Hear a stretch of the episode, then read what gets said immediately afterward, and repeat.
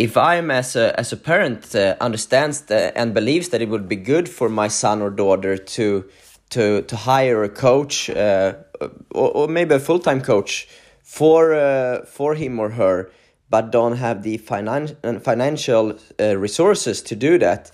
Uh, would you say that it's a waste of time for, for my son or daughter to keep dreaming about a professional tennis career then, or, or how should I approach that uh, that situation then? Of course, it's it's very individual, and I cannot uh, uh talk for anybody else here. But I mean, I know that sacrifices sacrifices has to be done, and I know that uh, both the, the family of Tauson and the family of, of Rune has done many sacrifices to make the numbers add up during the years. Uh, whether it is you, you sell your car or you don't go on summer holidays, if every stone you have to turn, you can turn possibly to make it happen, then I think uh, it's it has to be done if you really want it. En tillbaks igen Linus på baslinjen. Ja, han är tillbaka igen Linus på baslinjen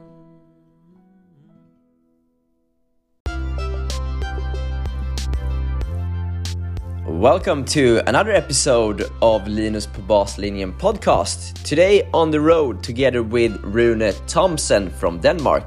Rune is since four and a half years back pri a private coach for Eric Vanshelboim from Ukraine, currently ranked 530 in the world on ATP. Rune have coaching experience from working in Australia, Norway, England, and of course from Denmark. In this episode, we talk about why it's better to have your practice base in Alicante than in Scandinavia. We talk about why Rune think it's a bit overrated to play the Grand Slams as a junior, the key factors when guiding a player from junior grade 5 to Grand Slams and on the senior tour, why it's really necessary for a player and parents to find a way to work individual with a coach. We talk about the reasons why Rune think uh, going to college is a waste of years is if you're aiming for the professional tour and the reason why many Swedish players are struggling with moving up in the rankings. A great episode, and I also think uh, an important episode to listen to if you're a parent, coach, or a player that is aiming for a professional career. So please welcome Rune Thompson. Now I'm sitting here with Rune Thompson. Welcome to the podcast. Thank you, Linus. Thanks for having me. Uh, Rune, uh, uh, can you briefly start with introducing yourself a little bit and tell us about your background in tennis and how you got into coaching? Of course. Uh, first of all, I'm a Danish citizen, so that means uh, we do it on English here. I've been playing tennis, yeah, all my life myself, um, and then yeah, in the age of uh, 15, I start coaching too in my home club in Lyngby, which is actually the same club as Frederik Løchte, represent. So yeah, we grew up in the same club. Mm. And then yeah, when I didn't play so much myself anymore, it became more coaching. And then yeah, on the side with with both high school and and university, a lot of coaching, and then more and more. And then yeah, it grew up. And yeah, tennis has always been my passion. Mm. So to be able to deliver my passion to other people has been like yeah a dream job. So yeah, I'm a tennis nerd and also sometimes consider myself the person with the Danish citizen that spent most time thinking and doing tennis in yeah in in my life uh, for sure. Maybe for sure not the best tennis coach but for sure the person that spent most uh, time on tennis. Absolutely. Yeah, yeah, i understand. Uh, was it because you you love tennis you wanted to work with it or was it because you like liked the coaching role more I mean, in the beginning, it was of course a combination where I still played a little bit, but I stopped playing myself. I mean, I'm still active myself, you can say, but played uh, for for how can you improving my game uh, when I was 18, 19, and then from there it was more like a full time coaching. So in the beginning, it was maybe a combination of of both. Yeah. But then now, for sure, I can I will say with the the hand on my heart, it is absolutely uh, only because of the the passion to tennis I have. Uh, yeah, yeah, yeah. Uh, you, you you said that you have worked in in different countries. Uh, can you you tell us about those experience uh, and how it differs from yeah from different countries? Yeah, I mean, of course, tennis is more or less the same, you can say, but the system is is different, and and especially uh, in Scandinavia, you have this um, very strong uh, forenings uh, culture uh, yeah. where the club is like the center and yeah. the club should not make any money. Uh, it should be like, yeah, non-profit, you can say. Uh, everything that goes into the club should be canalized out to the members. And in other countries, like, for example, Australia, US, uh, it's a lot more private, where like there is some, some sometimes yeah stakeholders or other times it's it's like private people that want to make it as an investment so yeah big difference yeah yeah. And and uh, for your part when you're coaching on the court uh, did, did it differ how you needed to adapt to when you were coaching the players? No. I mean at least not that it was anything that i had in mind when i went to the court. No. I mean my goal was always the same like to yeah enjoy the time, make the players improve on all the different skills sets there is in tennis. Okay, okay, but I'm thinking like depending on like where the kids have grown up, maybe yeah. the culture is different. How you need to Absolutely. approach them. Huge, huge, huge difference. I mean, yeah, yeah. Uh, I always said that. I mean, I want to teach in uh, in in the Asian country because they are so disciplined. It must be so easy. But then I went to China actually, not for for working, but for tournaments. And then I saw uh, how the kids were there. And I mean, the Chinese kids was not so disciplined. And the coaches said to me there, okay, I mean, you have the wrong impression of this, but I think it's different if you come to Japan and Korea. There, for sure, they're more disciplined, uh, and yeah, uh, completely different from uh, from uh, yeah our our part of the world. So yeah, yeah big I, difference I, on on the culture, uh, also on the mentality as as the parents and again the board members, if you can call it that, or or the owner. Yeah, a lot yeah. of things change. Yeah, yeah, I think so too. Uh, you said you have worked in Norway as well. Uh, did yes. you feel that it was a big difference from from Denmark in Norway? Yes, I think it was a, a big difference. I mean, it was a different in the mentality, mm. uh, but also a little bit uh, how they like saw tennis. I mean, in Denmark as well, you see tennis as a spare time activity that of course you spend some time on but in norway even more i think. Not that they are not serious but i think that they more think tennis is just something the kids do but they have to focus on on school or other perspective of life more than in denmark. Uh-huh okay okay. And maybe that's because the culture thing but maybe it's also because the sport compared to denmark is a little bit more new to the mm. society than in um, than in denmark yeah probably probably. So so uh, rune what have you learned uh, from these experiences working in different countries and different cultures that you have uh, that, that you you use today in in your role as a private coach? I mean, I, I, the first thing has nothing to do with tennis, but I work in Stavanger, which is probably one of the cities in the world that has the most rainy days on on on a year. And I, and for sure I will never come back there. Not because of uh, the people and the tennis, but because of the weather. It was too much for me. okay, so, okay, yeah. But on, on the tennis part, of course, every every time you are step on court, every time you meet new people, it gives you a different aspect. Uh, but I also think it depends on your age and where you are in your own life uh, a lot. Uh, so yes, of course, everything has has uh, bringing me to where I am today. Uh, but of course, there has been like something that I never had been like um, changing from. You can say like is the core of how I see tennis and how I teach and how I treat uh, my players and and uh, yeah people around me. And what is that core? I mean, I'm myself. If I can say, I mm. would. I'll say I'm I'm a hard worker, so I also try to push my players to be that because, I mean, this uh, this topic might end up in something else now. But I mean, I think that everybody has the opportunities to improve. Mm. I think nothing, of course, some has to do with talent, but I think a lot more in tennis has to do with hard work. Like uh, the famous coach of Rublev, Galo Blanco, has said that everybody can push themselves by hard work up to 250 ATP. And I actually believe that there is some uh, valid reasons for that too. Uh, and then of course after it's maybe more luck and uh, talent. But mm. I think that most people can push themselves to improve to a very good level. So that is of course uh, one of my key core values, you can say. Okay, okay, okay. Um, yeah, and uh, right now you're currently working with the Ukrainian player Eric Vanshelboim. Was it correct? Yeah almost correct i mean he's not listening now so i think it, it, we can accept that but he has heard many different pronunciation of his name but it's actually just right away Vanshelboim. So, well, okay, yeah. okay. Not uh, so and difficult. You, and you have worked for four and a half years, yeah. more or less. Yes. Uh, yes. And you're from Denmark, and Eric is from Ukraine, but you have your base in Alicante in Spain. Yes. Uh, yes. Every, everybody that meet us think it's so confusing, and and I mean yeah it is but uh, many roads leads this way and the short uh, notice is that I, I have been in touch with Eric's dad for many years even before we start working because mm. when he was uh, uh, like nine eight ten years i did some private lessons with him in the weekends they, they were living in denmark at that time mm. but then they moved to the states uh, and then we keep in touch and i followed him and i mean yeah i'm a big tennis geek so of course i also follow his uh, his results and every time there was something i wrote that. And then when he turned 16 he stopped like physical school and could relocate and they want to give give it a try with his tennis.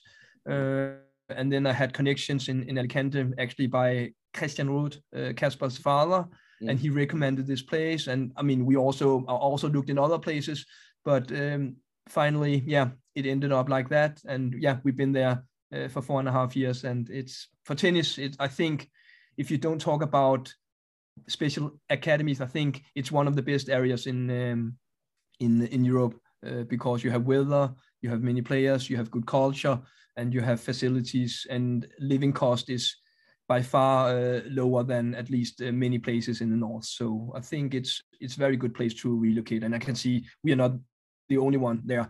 Many yeah. many many people do the same. You can say. Yeah. It, do you think it's a it's a kind of big disadvantage in Scandinavia that we are quite far up in, in the north and play much in indoor? Huge. Uh, I mean, I say that every time I speak to Scandinavian coaches. I think it's very very difficult to have your base in a Scandinavian country and to be uh, yeah aiming for your for your most uh, possible uh, yeah level you can say uh, because you see these guys and now i can mention some names but i mean i don't want to offend but i see a lot of the swedish guys for example i mean you can see they're playing too much in indoor. They, they play they try to finish up the rally after two three shots uh, especially on the on the men's side or on the junior boys side and i mean you cannot do that. You have tennis is an outdoor game so you have to to play outdoor whether it's clay grass or or hard court uh, for most part of the years i think Mm. So, so from uh, in, the best of the worlds, from what age do you think it, the, the players that really wants to succeed should should uh, should move? I mean, I can go back to to Eric. He always begs me to say, okay, I wish we were started one or two years before because then we could have uh, done maybe even more. Mm but I mean, I think it's it depends. It's a lot of uh, of the individual because some people can be mature and uh, be able to do this big change when they are 12 mm. some people cannot do it before they are maybe 18 so it's it, it's individual but of course the sooner you are able to adjust to this the mm. better you can uh, excel uh, mm. but I, I i will not say any specific age because i see many kids going to academies in the age of 10 11 12 and there, I think it's maybe too early because it looks like it's more like a boarding school for them than actually a, a tennis develop program, you can say. But I also see a lot of players where I think maybe they started going abroad when they were 18, 19 because mm. they want to play pro. And there, I think it's too late because they have missed out some years where they should have learned something. So, yeah, uh, sorry for the blurred answer, but I think that's uh, the best I can do here. that was absolutely good enough. Uh, uh, if if we if we can talk a little bit about your your work together with Eric, he he reached 35 in the world as a junior, and and you guys played the slams together. Uh, what does it take for a player to to reach top 50 in the world as a junior? But I mean, it's it's actually I want to answer your question in a different way, but I'll do this afterwards uh, because, of course, tennis and junior tennis is is more learning process. So whether, of course, if you're like Holger Rune, Clara Tauson, uh, Casper Ruud, these guys, of course, it makes a big difference whether you're one and you win a slam because it helps you. And of course, they have level, so for them it's different. But I think whether you are 20 or whether you are 100 or 200, it doesn't matter so much. I mean, I think when you come from a smaller country like Denmark, where you have low domestic level, not to offend anybody, I think it's very important that you start learning and competing on the ITF tour. And then, of course, it's better the higher you get because the better grades you play, the better players you play, and the more you develop. But I see a lot of guys in in other in the bigger country where they don't care about junior and they have extremely high level. So as I said to Eric many times, I think if I get a new prodigy any day, uh, I would not focus so much on the junior. Uh, and I think actually even the slams I would not care about. Uh, I think it's more a matter of getting ready to the pro tour and and play futures as soon as you can and get up to challenges. But isn't it a good experience before the future to to play the bigger tournaments? I mean, of course, maybe it is, but I think it also gives you a false impression of what tennis is. And I see a lot of guys because I've now I followed Erik here Group, but I also followed before and before again. I mean, so I think a lot of people get stuck in the junior because they were very good there and they got everything and it was very easy for them. Maybe they were big physically, but then at the pro tour it's different game. You need to fight and you need to fight for every point. You need to suffer. You need to be out playing many weeks in a row. It's shitty in in many of the tournaments. And all these conditions you have to adapt to. So if you're used to play grade A and slams all the time where it's nice and everything is set for you, I think it gives you a false impression of what you have to do. Tennis is tough, maybe one of the toughest sports in, in the world individually. And uh, yeah, I don't think it's, it's uh, necessarily only good it gives you to, to play all these uh, things. Uh, so you suggest that it's better to play like uh, national senior tournaments instead and then start playing futures earlier? Again it depends on your level because of course eric's level if we take this example his level was not good enough to play futures mm. or to play any uh, when we started. So you have to start with him grade five in sri lanka which, which was the first trip. And it was of course very very low level. And i mean if you take back us to there, I think we would laugh about how he played and how it was there and yeah. and how everything was. But I mean, it is step by step, and yeah, you do it the way you are. And I mean, you cannot change the circumstances of what level you have that at that given time. You just have to take the best out of it and then move from there. So, mm. but of course, if I was in Spain with a Spanish guy, 12, 13, 14 years old, and I could see he had good level, he had the basics for the technical stuff, I would not focus so much. I would probably play the junior events in Spain where we could travel by car and then play the pro events in, in Spain and then build up his, uh, like, how can you say, match stats there because it was enough. Mm, mm. But with, if I started with a Danish boy, same level as Eric, I'll probably do the same again. And then whether he, he reached 50 or 100, it it doesn't uh, make a, a big change. I think in Denmark or maybe also Sweden and Norway, a lot of players sees this junior grand slam as the holy grail and i think that's so wrong and i've been i mean it makes me so sad every time when i hear parents or kids coming to me and saying oh my my biggest dream is is to play a, a junior slam because it's it's not correct uh, objective in in in my opinion mm, because mm. a tennis career is long you have to play and if you like succeed when you're 18 and you get settled because you play a junior slam you will stop develop uh, because you might mentally felt okay i passed this. I like i conquered the game but which is so so so untrue. Uh, I, I, understand uh, but it's also some kind of benchmark if you're on the right track if you if you can keep it up with the better players in the world in your age. Yeah but again it depends on your mindset and the people you have around you. If people around you start clapping you because you are in the main draw of australian junior it's it's already you're gone uh, but if uh. people understand telling you this is nothing and you have to keep working, then of course it can help you. Yeah. Okay, I, I, I understand your point of view. Um, but like you said, you started at grade five in Sri Lanka, and you, yeah. even if it, it, was good or not, but you reached the Grand Slam level. Then, uh, what was the important key uh, keys on that road? Many, but I mean, if I should highlight something, pushing, mm hard work, and uh, extremely well organized tournament plan. You can see building up from yeah from grade five step by step. Um, yeah. And uh, and how did you learn uh, how to do a, a super well organized tournament plan? I mean, I think it's big. I mean, not that. How can I say this in in a humble way? I mean, I follow so much tennis, and yeah. even before I followed so much tennis, so I have an idea when I look at resource and I see players progressing. Of course, I cannot be with these players uh, and see them. Maybe some of them I have never really seen besides playing matches, so I don't know what to do. But I can see how they build it up, and I can see the level Eric had and what he needed to be better on. Mm. For us, there was no reason to start out playing higher grades because the, all the fundamentals in the tech technical part, the physical part, the tactical part, and the mental part was not there. So it didn't make any sense to play higher grades. He has to like, yeah, start uh, yeah climbing before he could walk. You can say because you uh, like you say you, you follow so many players and so many results. Uh, do you often see that players maybe make mistakes in their planning?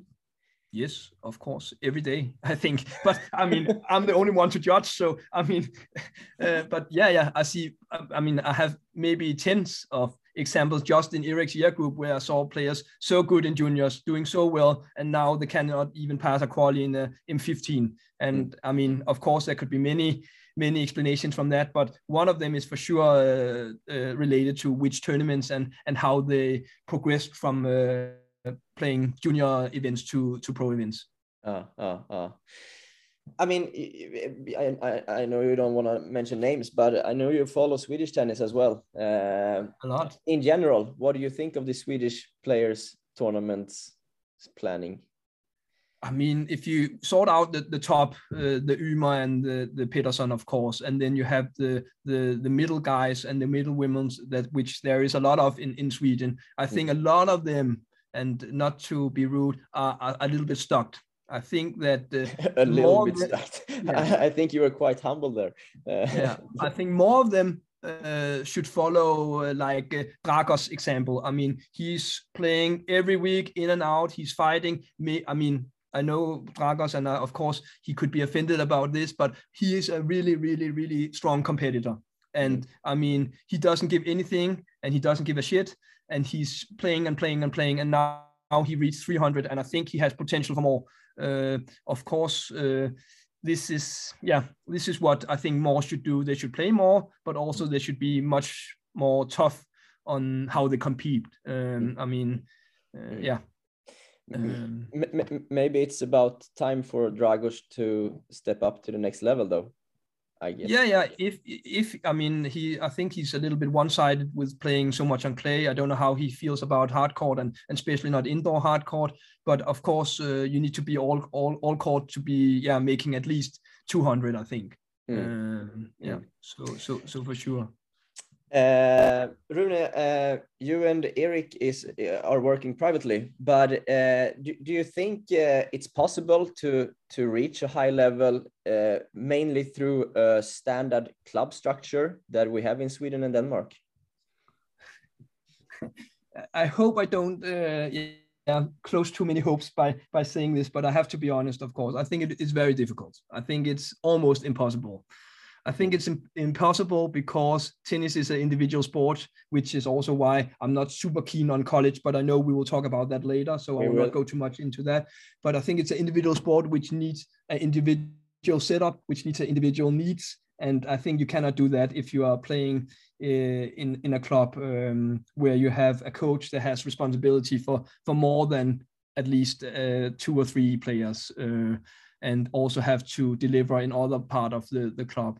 I think that the only times where the club can be a combination is where you have a very driven and very uh, passionate uh, father or mother around the, the player. Then it's possible. Uh, but I think only with club help where the parents like say, okay, you take care of everything. I think it's very tough. Um, I think junior top 100 possible, not so difficult, but I think uh, like reaching um, above how, what can we say? 400 uh, ATP and, and 300 uh, WTA is is impossible. Yeah. Mm, mm. Yeah. Uh, is that why you don't uh, work for a club like today? I understand that you have a fun project now. Yeah, but, uh... no, no, I could. I mean, I, I, I, I didn't. I think, of course, uh, as I said uh, to Eric many times, this is very, very challenging uh, on in a good way, but also on on on on bad ways too. Because with the club, you can go home at yeah at, at six o'clock when your last lesson finished, and then you can be yourself. Here, I work actually 24 hours a day, which is yeah kind of uh, yeah tough sometimes. Yeah, yeah. But yeah. I, I love tennis, so I mean for me it's it's still adds up on on the on the on the pro sides cons uh, the cons. So, so so if if we have a player from from uh, for example Denmark or, or Sweden that that's that is uh, pretty good and on the right path, uh, but doesn't have the financial part to to hire a, a full time coach, for example how how should they do? Yeah, I think the the the cheapest coach you can get in life is your parents. So I think um, they have to take responsibility uh, for for the develop. And I actually think in many ways, and that's also why you see this in in in many of the pro players, even the best ones that had uh, very uh, passionate and uh, and driven uh, parents around them. And I think that is actually maybe the the best uh, way to, to do it in, in Scandinavia too. I know it's very off limit our culture, but I think it is. Uh, uh, and I think that now I can mention names. Without uh, Aneke Rune, Holger wouldn't be anything, and without Søren Tauson, Clara would be nothing today. So of course, this is uh, the cheapest coach and also the mo- most uh, passionate coach because nobody cares as much as a parent. Uh, so yeah, I think that solves the part of the equation, and then the rest is of course uh, finding solutions um, for the financial part.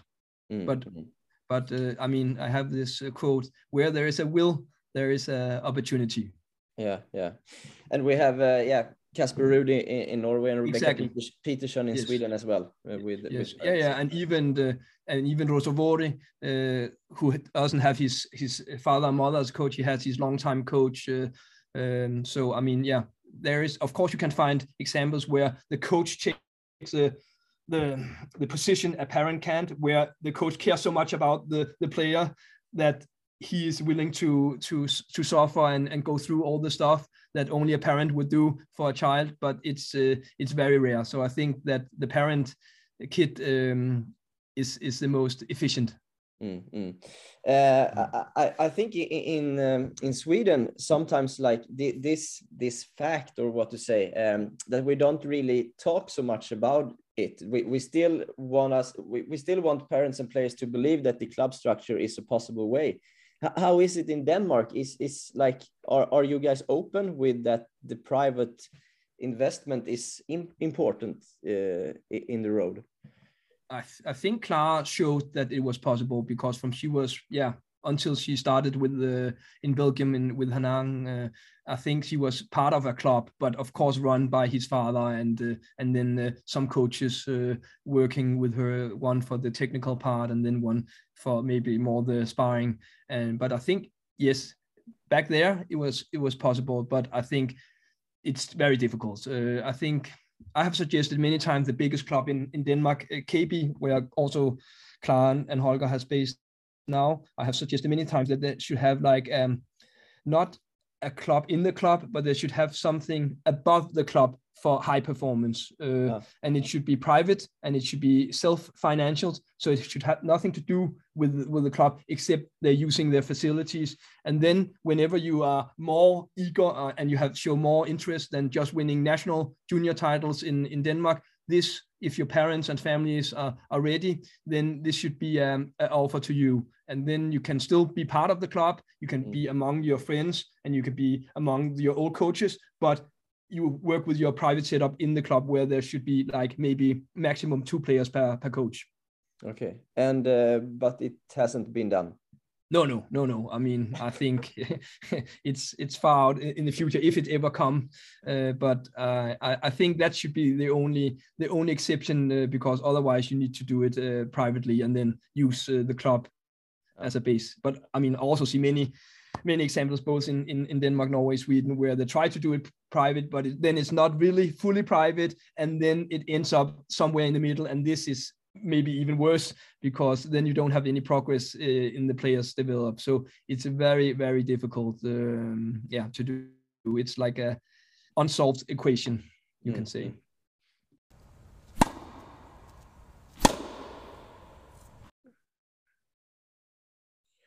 Rune, if if I were a, a, parent for for a player from from Sweden or from Scandinavia uh, that and and my son or daughter is like 14 15 years old what what advice would you give them uh, if they want to help their their son or daughter improve?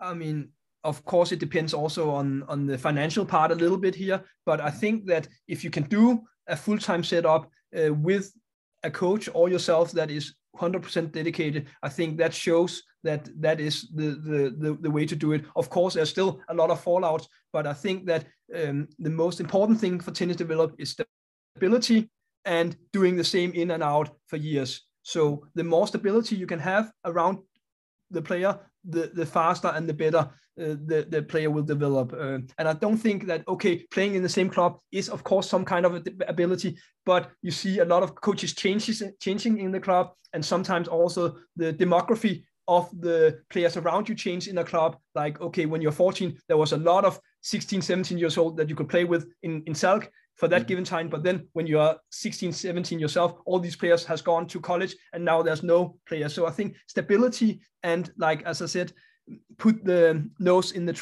trace is, uh, is the most important thing. And if you can create that for your, your kid, you are, yeah, um, on your way. And that's also why I think it makes no sense to go out for one week for a tournament or go one week on academy because that's not stability. That is just like, yeah, um, how can you say, yeah, waste of time a little bit. What's your view of the academies that is out there? I think the facilities are amazing.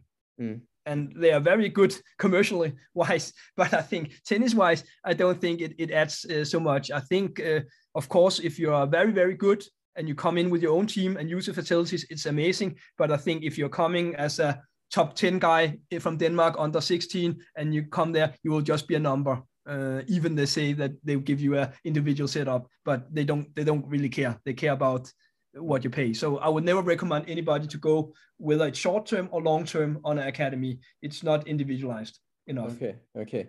Uh, you, you, said that the, the the the absolute best setup would be to be to to hire a, a full time coach. Uh, what is the cost to hire a full time coach? I think it depends. I think if you go to lower cost country in Eastern Europe, you can have a, a coach uh, full time for 1,000 to 1,500 euro a month. Okay, okay, okay. But and of course, if you're in if you're in Scandinavia, if you're in Scandinavia, I guess nobody would do it uh, below uh, 28,000 uh, Swedish crowns or 25,000 Danish crowns. So yeah. it's different but then it adds up with the flight and the hotels and of, everything during the tournaments and, and the travels yeah of course and of course i mean you can you can get it but i mean if you are in the stage where you choose between an academy and a private setup i think the the digits doesn't change that much. So but the outcome changes a lot. So there you have the opportunity. But if you don't have money to go to academy in the first place of course finding individual coaches is also far out of your pay grade. Yeah, yeah exactly exactly. Uh, if if we if we take the the hs 14 15 where i i think uh, that's when you started to work with eric as well more or less right? Yeah 16 uh, 16 16 yeah, yeah. yeah. If, if you start as a coach with a player in that age does that mean that you're the right coach up in the hs as well until his or her is like 28 and a wta player or atp player I think it's an interesting co- uh, question, and I mean, I would uh, answer it a little bit like uh, as I heard um, my uh, my good fellow colleague uh, Lars Christensen, coach of Holger, said mm. he always tries to be a little bit in front of where Holger is uh, at the given time.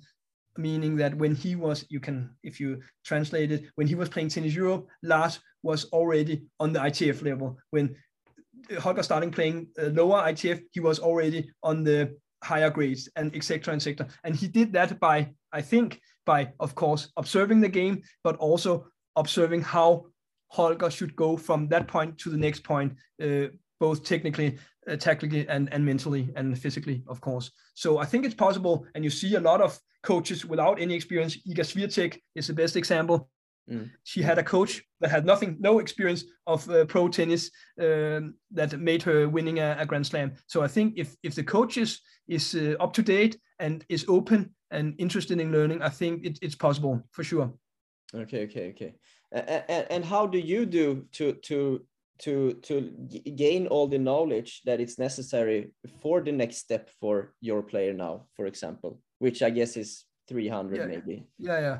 I mean, I'm. Uh, I mean, for me, it's it's it's of course a privilege because I, I go around in the in the environment in in Alicante where I have players from yeah top ten almost until uh, guys with with no rank. So it's just a matter of studying what they are doing and mm. then take it uh, that that uh, draft and put it over Eric, which not always fit, but then you have to customize it that way. So so yeah, for me it's easy uh, easier but I think for for other coaches, um, maybe living in in a, um, in a, a, place where there's not so many other players, it's important to to travel and to to see uh, what the best is. And there you can go tournaments, but you can also, I mean, just go to to uh, to um, yeah uh, academies or federations. Hi, my name is August Holmgren. I've traveled and been on camps with EuroElite for eight years. EuroElite has played a major role in my development as a tennis player and a person, and they worked with more than 1,200 other players from Denmark, Sweden, and Norway during the last 20 years. It all starts with the summer camps, and EuroElite offers eight different summer camps in Denmark and Sweden in 2022. They're high quality camps with five days of more than 18 hours of tennis, fitness, theory, and UTR match play with a focus on becoming a better match player. I went on my first summer camp when I was 10, and then my first Tennis Europe tour when I was 11. After the Tennis Europe tours, you go on ITF tours. I've been on pretty much every ITF tour that EuroElite has to offer, twice. EuroElite also focuses on seeing the culture of the places we go. I remember seeing the great golden Buddha statue in Thailand and the pyramids in Mexico. Sign up for EuroElite tours and camps because they provide three things that are essential for the development as a tennis player a balanced life, a great environment that both challenges and inspires you, and you learn how to have a disciplined mind. It's as simple as that.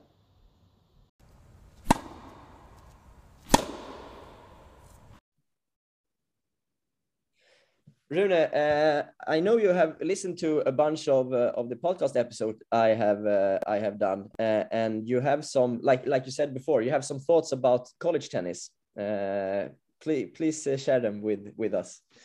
Yeah, yeah. I mean, I'm a big fan of your podcast. I'm, yeah, in general, a big fan of what you do. And I, I said to you the other day that I wish that uh, uh, there was a page and a person like you in Denmark. But I think you should, yeah, expand to to cover whole Scandinavia uh, because yeah, for me it's so good. I mean, I don't know how many people that are that crazy with tennis as me, but I mean, for me it's like yeah, every every day I go into to your homepage and and see if there's anything new. So yeah, I eat it all. Thanks. Uh, Thanks yeah. a lot. Yeah, I mean, college tennis is because now we talked about the pro setup before, and I think that college tennis is a good opportunity. But I th- think a lot of Scandinavian players as uh, approach it a little bit uh, differently uh, or maybe not how it should be because i think they forget a lot of the things. They forget about the tuition they have to pay. I, I mean not everybody unless you're maybe top 50 junior get a full ride scholarship for four years. So you have to pay for your education. And then in the same time you have to also at least for the Danish people, the first year you don't get any support from the funding. In Denmark, you get funding if you are uh, understudy. I don't know how it is in, in Sweden, but in Norway as well, you get something from the state every month. And I mean, this is also a little bit of a disadvantage. But the biggest thing I think they some people forget is that you use four years on a bachelor degree, which you in Denmark would use three years on. Then I know you can play a lot of tennis, but I mean, one year is a huge difference. And, and then the other thing, a lot of the companies in Denmark, if you want to proceed a, a, like a job afterwards they will only take you if you take a master. That means you have to go back home again to mm. study another two years. And sometimes you are not have enough uh, credits from your university in us to get into the master. So you, maybe you have to do a summer course or you have to do another half semester. So i think this if you add everything up i think it's not so great for both education wise but also the time you spend there then of course for experience and living in another country and going to frat parties and stuff like that that must be amazing. But i think that uh, if you add it up uh, money wise and what you get and what you could get for free in, in denmark and i think the level in, in denmark and sweden norway for for degrees is equally high unless you go into one of the ivy schools. Um, and then we come to the tennis which mm-hmm. is of course the important thing for these players. I see a lot of players go there and they don't really develop.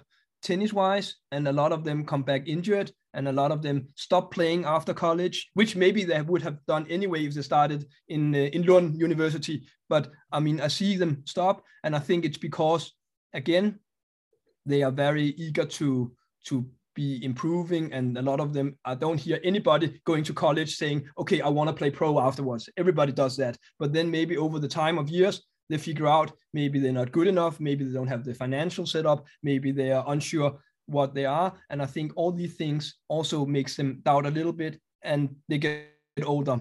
And mm. that is maybe the biggest concern I have for college tennis is the age. I think you need to start playing professional in the age of latest 18.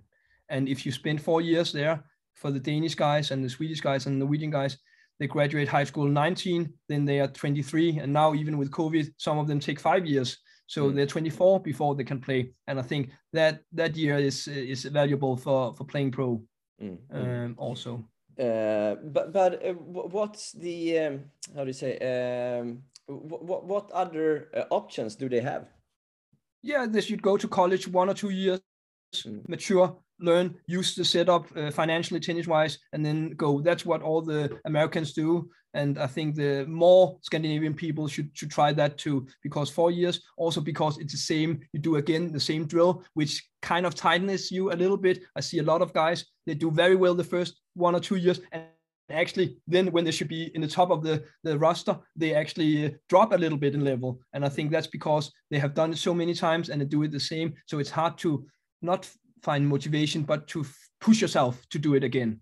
Mm, mm, mm. And then also match wise, I think college tennis is a little bit uneven because you see a lot of the matches they play with no let, first of all, they play no ad, but also they stop. A lot of the matches are unfinished if the match is over. And I think that's not very good for any players develop. And then you have this long, long, long fall where you only play individual tournaments and some colleges, they play very little there. And then you have this very extreme and intense from January to April, where you play a lot of matches. But again, it's team matches, which mm. is not comparable to to pro tennis. So mm. yeah. Mm. Uh, what's your view of the level of the tennis eh, at the college? I think it's high. You can see a lot of the guys coming out and they're doing extremely well. So I mean, the top. I mean, no doubt they are. Yeah, yeah for 250, uh, maybe even higher. But then you see these guys uh, they they only play there one or two years and then they go go pro. Uh, yeah, um, I mean I think very few make it um, after two like really top. Now you have this Cressy guy, which is uh, yeah a little bit unusual because he was four years I think in in UCLA and he's now cracking top hundred. So of course you can do it, but again you have to add it up again. How many guys are going to college? It's like maybe over thousand a, a year and of course, you have outliners that would do it. I think if 1,000 players start on the pro at the age of 18, you will also have at least some of them making it to top 100. So I think sometimes, again, this um, is not really balanced, but they focus too much on the one side. Yeah, I understand. I understand. Uh, do, do you think we in Scandinavia could like build up some kind of option for the players here uh, with good matches uh, and keep them uh, staying for a longer period of time back here instead. That would be amazing. I mean, that, I mean, yeah, I think they, they try, they, they at least try in Denmark. They try to do like a full-time setup for, for pro players uh, now where you can practice morning and afternoon, at least three or four days a week. Um, and I think also many of the bigger clubs in, in Sweden provide that. But I, I still think, how can you say, not offending again, um, it's it's it's it's not tough enough because I mean you have to be. I know Frederik talked about it in his podcast, and maybe that was one of his regret. You have to be in an environment where it's it's tough and where everybody is willing to to suffer. And I mean, if if I mean if you saw if you took Danish players, whatever rank, and brought them to Argentina and saw how these guys in Argentina are practicing, they would be like uh, scared for the rest of their life because there it's not like a practice match. They throw the racket, they break the racket, they scream, they say vamos right up to the face to the friend on the other side. I mean, this is do or die, which helps them because when they come on the pro tour, they do exactly the same. But mm. we're in Denmark and, and also Sweden and Norway. I know the, the culture and practice, I would say so so. So, so how can we change that?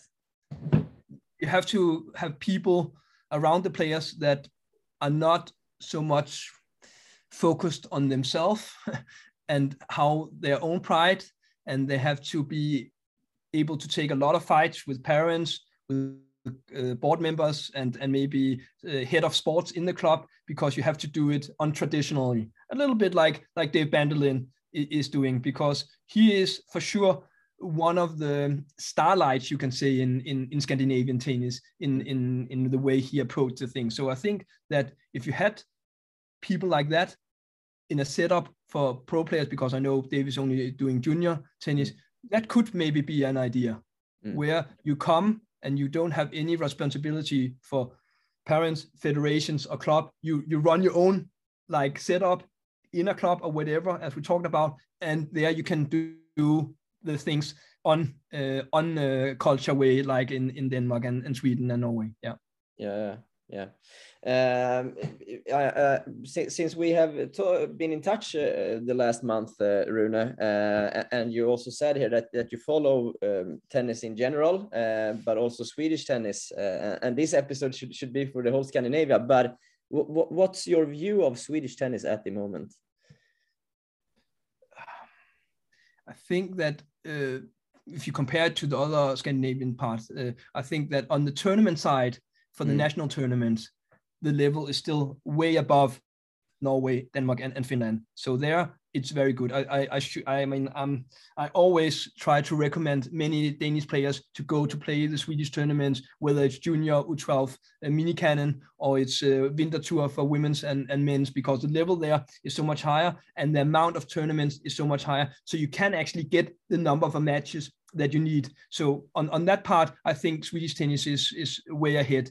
But of course, Swedish tennis is, is struggling. I mean, uh, on the on the pro, as as we talked about, they have many both men's and women around 500, 600. That is like yeah, a little bit stuck there. And on the junior, of course, they had some guys. Henneman was in the final in, in Klosters a couple of years ago. Um, Gustav Strom played played uh, junior slams uh, at least a, a, couple, I think, and and Kaiser did too. Uh, and now after months has been playing a little bit. But and Leo, Leo is Leo is of course uh, there. He was in the top junior. Whether he can uh, make it afterwards, we'll see. But uh, yeah, uh, there is of course some. But I think in general, of course, uh, Swedish tennis is not doing as good as when I grew up and and before. But that's also because tennis is becoming so much more competitive. I mean, you can go to Aruba, which is in Caribbeans, where you have players that are funded by uh, the federation there to make it, uh, so I mean, everywhere they, they put money in, in tennis. So yeah, it's extremely mm. difficult. So maybe it's not only Swedish tennis that has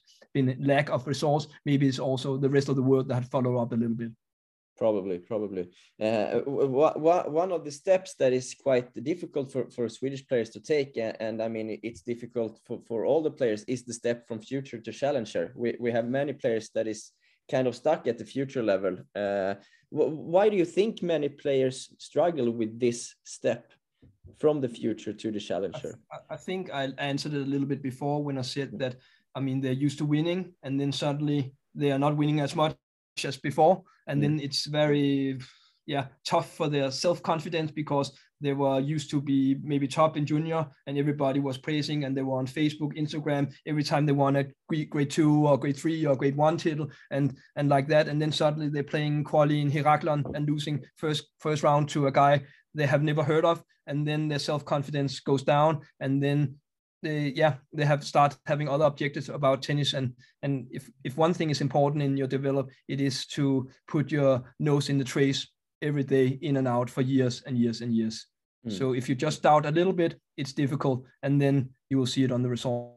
So I think the transition could be more smooth. I think more Swedish players could um, start playing futures combined with junior. Like mm. now we can go back to Leo. Leo he played I know he received some wild cards, which maybe wasn't so good for him. But I mean, uh, of course, it's it's hard to turn them down. But he played a lot of junior last year when he was last year. I think he was pushing very hard to maybe maybe make top, top 10 junior, which mm. was of course a, a big uh, achievement. But for me, he should have erased half of the junior tournaments and, and filled them up with with the weaker future tournaments um, outside Europe. That would have been and and the same maybe for for Dalberg.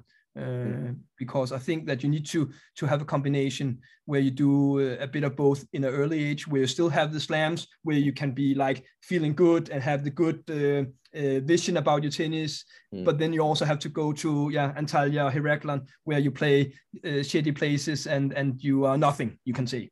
Mm, mm, mm. Where if you start going from one to another, the change is too uh, too big for you and your self confidence. Yeah, yeah, yeah.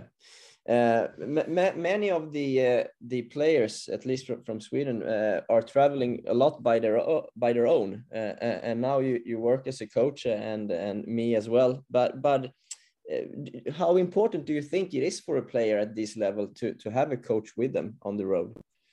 I think it's it means a lot. I mean, but I will answer I will answer the question a little bit more. I think it's very important that you have the same coach for touring as as home based coaching. I see a lot of guys hire a coach, or maybe some of them have a have their coach, but these coaches have never seen the other side. That means the coach at home has never seen the guy in Antalya quali playing uh, match tie break at third set where he's so shaky that he cannot hold his racket, and then he just sees the result, and the guy come back to the coach and says, "Oh, I could not play. Uh, there was so windy. We didn't have any ball change on the third set. The ball was so uh, fluffy." And the coach at home of course says yes, yes, yes, but he has no chance in life to change this and help the player to change this in the future because he's still gonna stand on his coach coaching uh, court at home and and don't go out. And then on the other hand, you have a lot of coaches that are willing to travel, taking taking a lot of players uh, to different tours, maybe not even having the same player for more than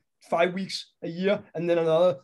And I think that is also a waste of money because what you see in matches is what you need to work on on uh, on um, at home. And maybe this guy tell you, okay, you have to go home and work on the serve or return or first shot or whatever, but he's not there to follow up. And if you're not there to follow up, it's very hard to give orders.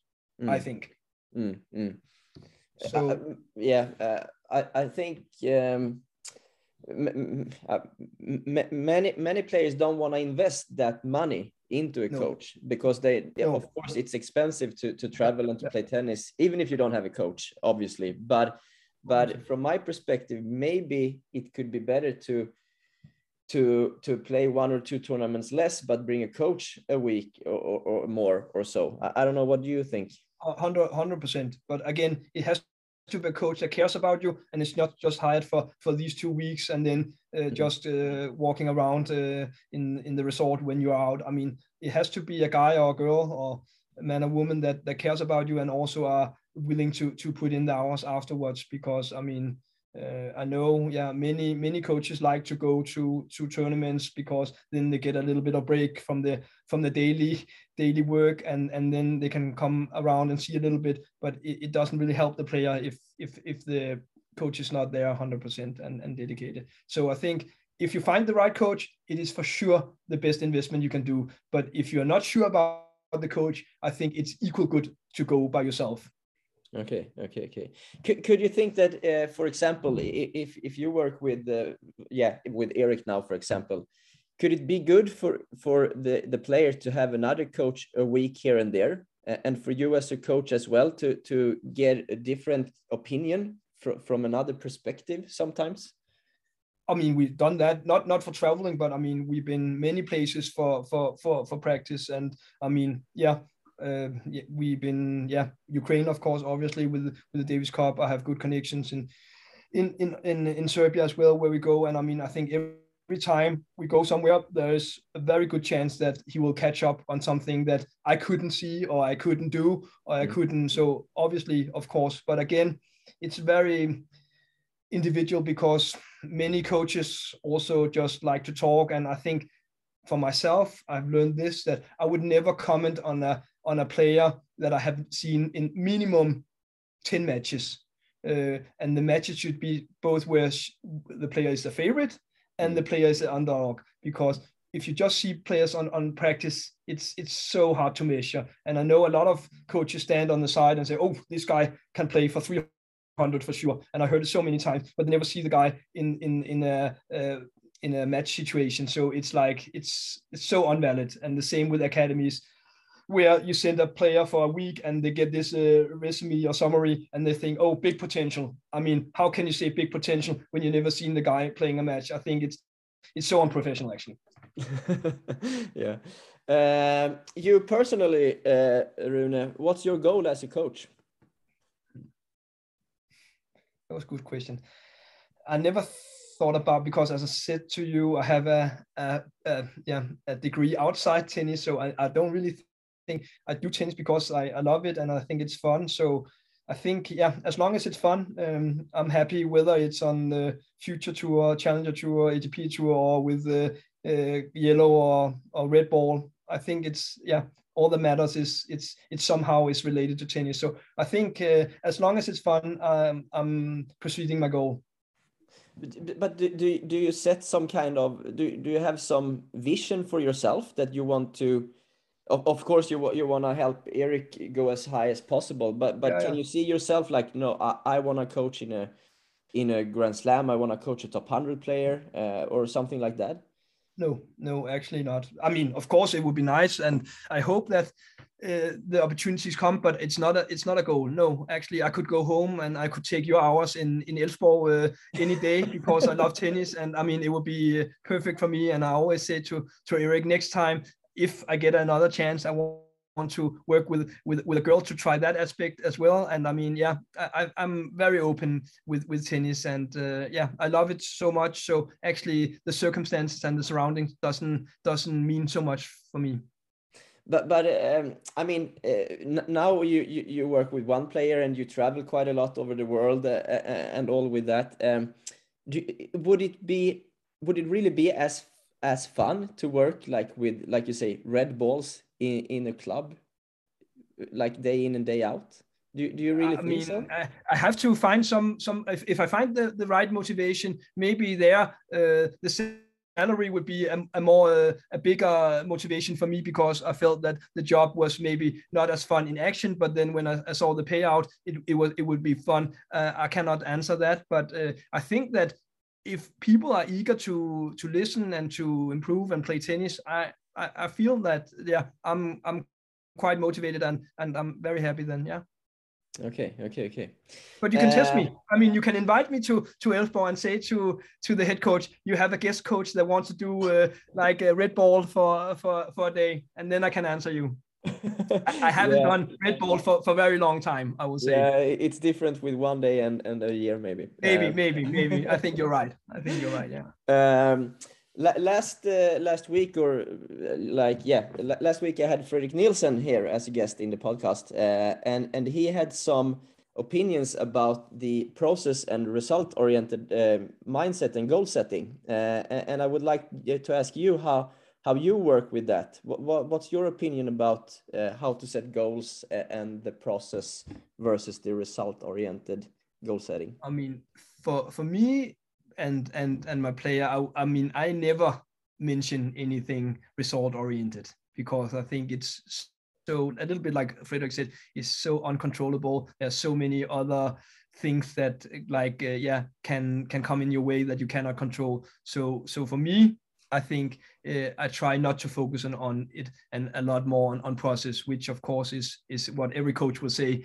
But mm. uh, but the, the thing with the with the result is much more visible. Also, like Frederik said, so there you have a clear fact where to improve your forehand and your your mental part, not to crack and not to be tight, is very much more uh, to to compare and to see. So so yeah, I think that uh, for me of course, uh, uh, it should be 100% process, but for the players, it's it's very difficult to to to do and yeah and to yeah live with.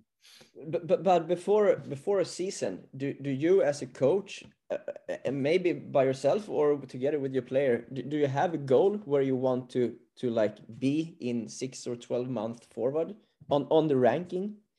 No, not, not, not on the ranking. ranking. Maybe the player has, but I mean, we had a goal uh, for for the preseason. We could say where you, we control everything. We have four or five weeks where we work on some technical parts that we want to like, yeah, polish or improve. We worked on some mental parts and on, on some physical parts uh, and tactical parts. So there we had goals, and of course we can have goals now on the tournaments. But of course, it's very difficult to have goals because uh, the players are very competitive. So all they care about, which is wrong, is is winning and losing. So sometimes the other goals comes a little bit in, in the background. But yeah, we talk about these goals too, also during the season, but not so much result oriented. No. Okay, okay, okay. Uh, and uh, like, do, do you work with with short and long term process goals? Like, what you want to improve yeah. next week and also this year, or or how do you work with that? Uh, absolute. But most of the goals, which might seem a little bit weird, but uh, they don't know Eric's and I relations. If we take this example, because we are very close, so a lot of the things is just in here in my mind, and it's not something that I express. For okay. also with with the tournaments, for example, it it seems very weird, but I think that Eric would not be able to tell where his next tournament is in the month, for example, and but he just trusts me, and I mean and then uh, we do do and then he doesn't have to worry so much and he can focus on his tennis. So so yes a lot of the long long uh, seeking goals i have in here but it's not something i uh, elaborate with him every day and and every week okay okay but but you so you, i more try to like uh, set up the the the um, how can you, the environment and the circumstances so he can process these goals like for example okay uh, this week i set up practice with guys that I know that he can work on this type of game with. Mm-hmm. And next week, I know, okay, he's been a little bit tight. I want to make him play points with higher rank players where he's a little bit more loose uh, mm. because there's no pressure, for example. Mm, mm. Uh, how, how much is he involved in uh, how you schedule the practice weeks? Do, do you ask him how, how many sessions tennis he wants to play, or you just show him here's Monday to Friday? no, no, no, no. And it's yeah. I mean, people that listen to this will think it's it's uh, yeah non- nonsense. But again, it's also because like yeah, we have a a very, very close relation and. Uh, yeah, um, he knows that I do this for the best, and also, I mean, I think that I know him so well, so his limits might be before mine. I mean, I know he can do more, but he would say, okay, let's come an example. He wants to practice 20 hours this week, and I know that he can do 28. So of course, I will schedule 28. Okay. Uh, but it's also that you also have to know that I mean things change, and of course, he's getting older now. He's an adult, so of course, this has to be much more balanced, and it will come. But uh, but I mean, yeah, it has been like that when he was junior. Okay, okay, okay. Uh, I would also like to, to ask you, Rune, uh, uh, shortly about uh, how, how you work with, with goals before a match. Uh, how, how much, how, how many things do you guys talk about, or how, how many things do you talk with your players about before a match, like tactics, uh, tactical wise? And but it has actually that? also changed. It has also changed a little bit because the better he gets, the more he can do and the more inputs he gets but also the the the older he gets and the better he gets the pressure also increase so mm. and with the pressure i mean it's hard if you are under pressure to do anything we know that uh, you can get to the stage and have like rehearsal and rehearsal for the same sentence and you cannot get it out of your mouth because you're so uh, nervous and the same on the tennis court so if you get too much information behind before it's uh, it's it's difficult. So actually, it depends on the match, and it depends on uh, on the setup of of the match. I mean, I know him him so good, so I know which matches he he's a little bit nervous mm. before, and there I don't say too much. There I, I'm mainly focused on the energy and the attitude because that's controllable, and I know it's going to be tough for him. But then maybe it's going to be tough for him tactically to play one way because he's so tight so he cannot uh, like uh, come to the net, for example. Mm. Um, so there, I would not mention that. And then on other matches where I know he's more free and he will play uh, like without any stress, I can add more things because you can focus uh, on that and you have like uh, the the surplus in your mind for mm. that during the match. You can say. Uh, okay. So it, it, it differ actually from match to match and and tournament to tournament. Also, if he has been winning matches in in a week and then he's playing in the in the semis and I've been very happy with what then I say maybe nothing to that match because I know he's in flow and I know that uh, he knows what to do. Okay, okay. And and how much do you coach during the match? It also depends, but I mean, yeah, yeah, I, I I'm I'm not too uh, like um, uh, fine to say that I get I get warnings, of course, from time to times for coaching abuse, but I mean, I I try not to say as much as I would. I can say. okay, okay, okay. But but also uh, also for him because sometimes it's not. I mean, sometimes it's not good for him to to hear me because he's so much in the zone and he gets annoyed with what I'm saying and yeah. So it's it's again it's a balance. Uh, but yeah, I try to stay both calm and and the same uh, uh, throughout the match. Yeah. Mm. Because I, I think there's two two different opinions about it. I mean, some some people mean that we, we should do whatever it takes to win the match because it's good with another match tomorrow to to to keep improving the ring. Mm. uh, and some means that no it it's against the rules uh, and also that the players need to to be able to work it out by themselves. That that's a, a learning by itself. What, what do you think no, I actually agree on both, but I'm most on, on the first part, especially when you come on the pro pro level. I think when you are on the junior level, it's it's more a matter of, of learning. So okay, it's good to have another match if you are travel to grade three in Zimbabwe uh, because it gives you another opportunity. But I think it's less important that on the on the pro because on the pro, of course, develop is the the key factor, but of course, improving to where you can be financially set. It's the main goal uh, for every player playing on the pro tour, of course. Yeah, yeah. Uh, all right, uh, Rune, we will uh, we we will end with a couple of questions I ask to most of the guests here, uh, and um, we start with what what's the biggest waste of time in tennis? Biggest waste of time? Oh, that there's many. There, there, there's many but you think for players or for coaches or uh, for uh, you, you you can take one for the players and one for the coaches if you have I I think for for for the coaches is to not be like uh, yeah 100% involved uh, with with what you're doing. I think a lot of coaches and maybe that's a, a bit sad is is doing it uh, because they don't have any other options in in terms of uh, income and, and life. And i think that's that's not good for neither themselves but also the, the the the, people around them. And and they get lazy uh, and they don't care. And if you don't care i think uh, you should find something else to do at least if you're living in in in in scandinavia where there is opportunities for for everybody. Yeah. So yeah. and and and for players i think there's many but i think uh, feeling that you are or having a objective that you are better than you are is, uh-huh. is very very very dangerous uh, because i mean when let me come with an example when when clubs in in in scandinavia sends out a practice schedule for the next term mm. i think every people think they're playing more down than up mm. through yeah. how they see themselves yes. and i think that is how 99% of the players in Scandinavia and also outside, of course, see themselves. And I think that that is uh, the, the the biggest mistake you can do because if you have this, you will only get disappointed with yourself because mm. you have a, a view of yourself that is higher than your actually abilities. And if you cannot with your given abilities lived up to that, you will be disappointed every time you hit a ball, every time you play a match, every time you go on court. But but don't you think that it's also a, a, good good thing to to go into a match, for example, and think that you can beat everyone? It depends on your mindset.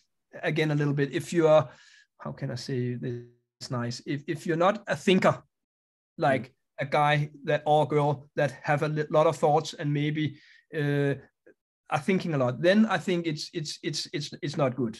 But I think if you are a little bit, how can you say, stupid uh, and don't think too much, I think it's very good because then you can, of course, increase your level. It's like the, the humble bee that doesn't know they cannot fly, but it still flies. Yeah, yeah, exactly. Uh, how have you changed your style of coaching the last couple of years?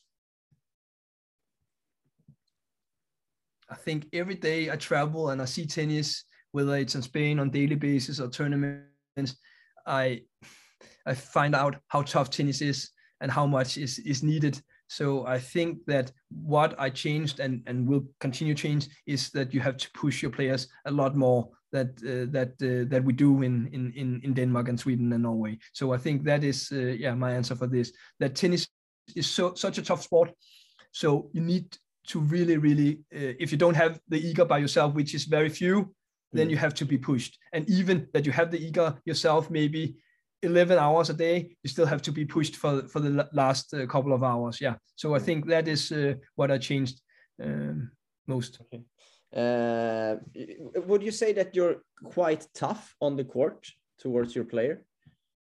I think that Eric would say that I'm I'm tough, but I think I'm also very honest, and I think that if if Eric said to me that okay, I only want to play uh, in to play have a level to play elite series in Sweden, mm. not that there's anyone with that, I would not push as much. But now himself and everybody around him has a goal to for him to reach his high potential. Whether the potential is 500 or is higher, I don't know. But you have to find out. And uh, yeah, so so yeah, I I think it also depends because if I went to to a club and I had four players there and I knew that okay they are focused on school and everything I would not push them as much as high as mm. as I do with with Eric but of course I will still be be tough and and set certain standards of course yeah do you think it's easier to to have this style of coaching when you work with with a player from from a country like Ukraine instead of I, from Scandinavia I think not for the player, maybe, but but more for the parents. I think that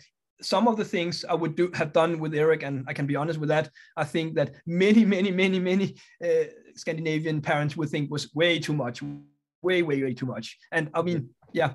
So, so yeah. But I think most of the players in Scandinavia would be able to cope this. But I think if they delivered the message to the parents, the parents would say, okay, maybe that's too much. Okay. Do, do, do you understand? Yeah, I understand. I understand. Yeah. So, so uh, if I go back to what you have talked about before as well, do, do you think one of the main reasons we don't produce more players in Scandinavia is because of the parents that they don't want to invest both, I mean, in, many different ways into into the player? of course it's i mean it's it's it's for sure one of the things. I mean i have so many examples of of players i mean now we're talking pro players where i mean the parents they're pushing they want the club to to uh, to support the player pay for travel pay for coaches and what do they come up to the table with themselves? Nothing but only like uh, yeah expect uh, expecting something from others. I think that is uh, on the bullet point for for why because of course if you don't even are eager yourself to put in the investment money wise time wise whatever then how can you ever ask anybody else to do it so yeah, yeah. for sure yeah yeah it's, it's and, different cultures yeah, uh, yeah and imagine all the time these parents that we've been talking about Rode, uh, Rune, and uh, Tauson, how how much time the parents has invested, and that's also why they are here. So yeah, for sure. Yeah, yeah I, my, my view is also that in, in many other other countries the the parents if something is necessary they, they find a way to to make it work uh, more than maybe in, in sweden uh, where, where yeah, yeah, and they don't tolerate. I mean, I think also the parents in in in Scandinavia they don't tolerate a lot. A lot. I mean, if a Ukrainian uh, girl comes back to uh, the parents and say, "Oh, the coach was so tough to me," then the the parent will beat her and tell her to behave and and be respectful to the coach because uh, they they do it for their best and they know that. But I think in in in in, in Scandinavia, the, the parents, um, yeah, are, are, are, protecting the, the kids a little bit too much and taking their side instead of actually seeing the things in a bigger bigger vision. Mm-hmm. yeah i agree. Uh, one person that you have looked up to over the years that maybe have formed you uh, as the coach you are today? Uh, i i mean of course there is all these uh, amazing international coaches in in soccer and in yeah basketball and uh, yeah also uh, NFL that has been yeah doing incredible. But I think for for for tennis, of course, I, I read um, yeah many of the biographies and and uh, yeah listen to the other podcasts. But i don't think there's one person that i'll point, point out in, in, in tennis specifically that has uh, uh, made the the difference. I think i take a little bit from yeah from from what i can see and and and yeah from everywhere have have you had any kind of uh, mentor that you have talked a lot to during the years that you have changed thoughts about with uh, and so on? No but i mean i talk a lot of tennis with everybody that wants to listen to me. So you can say that but whether they're mentors or they are uh, like uh, prodigies for me or i think it's yeah it, it's the same. But of course talking uh, tennis and spending like yeah as i said to you most of my awake hours uh, doing tennis it's it's helping uh, to understand and and to to know uh, everything a little bit better day by day. Okay. Uh, uh, if you were the the uh, top dog of danish tennis like the the the head of the danish tennis federation what would you prioritize to to change then? It's a difficult question. But but first of all i'm pretty sure the opportunity will never come. But I mean, but if it did, I think, yeah, yeah, I, I think that uh, it's it's I think it's a matter of if we're talking elite uh, tennis, I think it's a matter of finding a balance between our forenings uh, culture life in Denmark and how to be uh, a professional tennis player. Because I think a lot of people, both in the Danish Federation but also the other federations and club coaches, they don't know really what it's needed to be professional tennis player and how much it takes both for the players but also for the team around. And i think that is something that i would try to like clear out. Also so the parents that says okay maybe we have big ambitions for my kid but i can see this is too much for us and our family. So it's better just to play three times a week and go to uh, uh, go to school afterwards. So i think that making it visible and make and, and getting an understanding for what is required, I think that is uh, the biggest uh, thing for for for the Danish Federation right now. Um, and also, as Frederik said last week uh, about uh, how to understand when he started, he was just happy that he could pick up one point. And I think many people has it has it like that, and that's maybe a little bit naive. Mm. And for some people like Frederik, it turned out very good. But I think for the majority, with that vision, it will turn out that you have a pro career for one year and then it, it stops.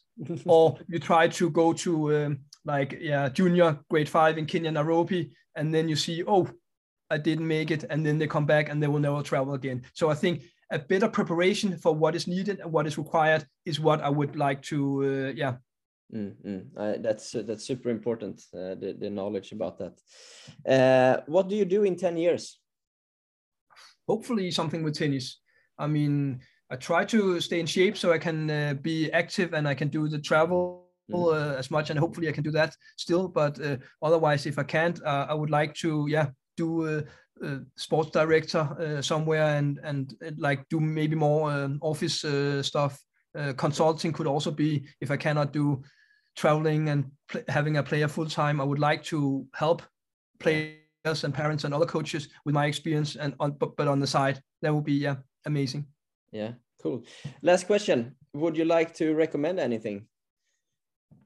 Yeah, I would like to to recommend to to for people and parents and and coaches and players to like yeah uh, go out, see see more tennis, uh, yeah, uh, read more tennis. Go to your homepage, read all the articles, go listen to your podcast, but because everything is creating vision. Maybe some of it is not uh, useful for you, or maybe it's not useful in the moment you are right now. But I think that going out, I mean, I said to many coaches in Denmark that the best thing they could do would be to go out to any tournament and just observe. Don't go with a player, but just observe what the other players and coaches are doing. You would learn so much more than than uh, being in the same hamster wheel at home.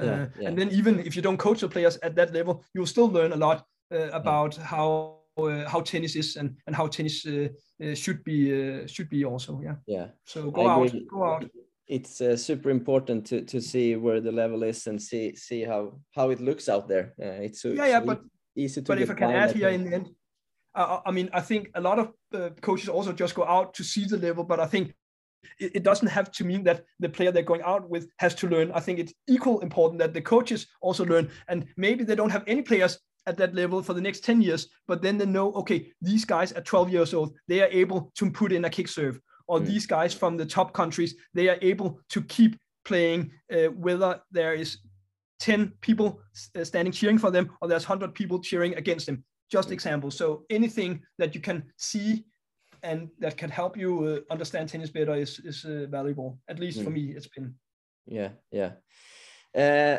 Rune, it's been uh, super fun talking to you. Uh, thank you so much for for taking your time, and uh, good luck in the future with uh, with Eric. Thank you, Linus. It's been a pleasure. Yeah, always. Yeah, thank you.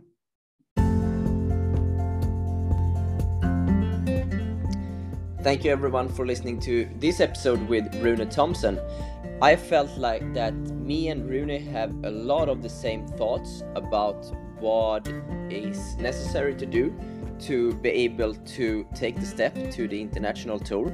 Regardless if you're coming from a junior career or if you're coming from a college career uh, i think i mean both we, we both work as coaches uh, obviously and and both do some kind of uh, individual work with, with our players, but uh, but I think we, we are we are on the same page about how important it is to have a coach that you work super close together with. And uh, to be honest, I felt some kind of relief that someone actually said it out loud, like like Rune did that I mean, as, as a parent, of course, everyone doesn't have the financial resources to to hire a full-time coach, but I mean, it, it's more in common in other cultures and and when when parents and coaches are from other countries that the parents uh, do what it takes to find a solution to it. Uh, in in Sweden, it's often said like well, it, it's a financial question, yeah, obviously, but I mean, solve it. If you want to give your kid a good sh- chance to, to compete internationally, like, solve the problem. Uh, but it's not, yeah, we, we, we don't really think so uh, here in, in Scandinavia, uh, obviously.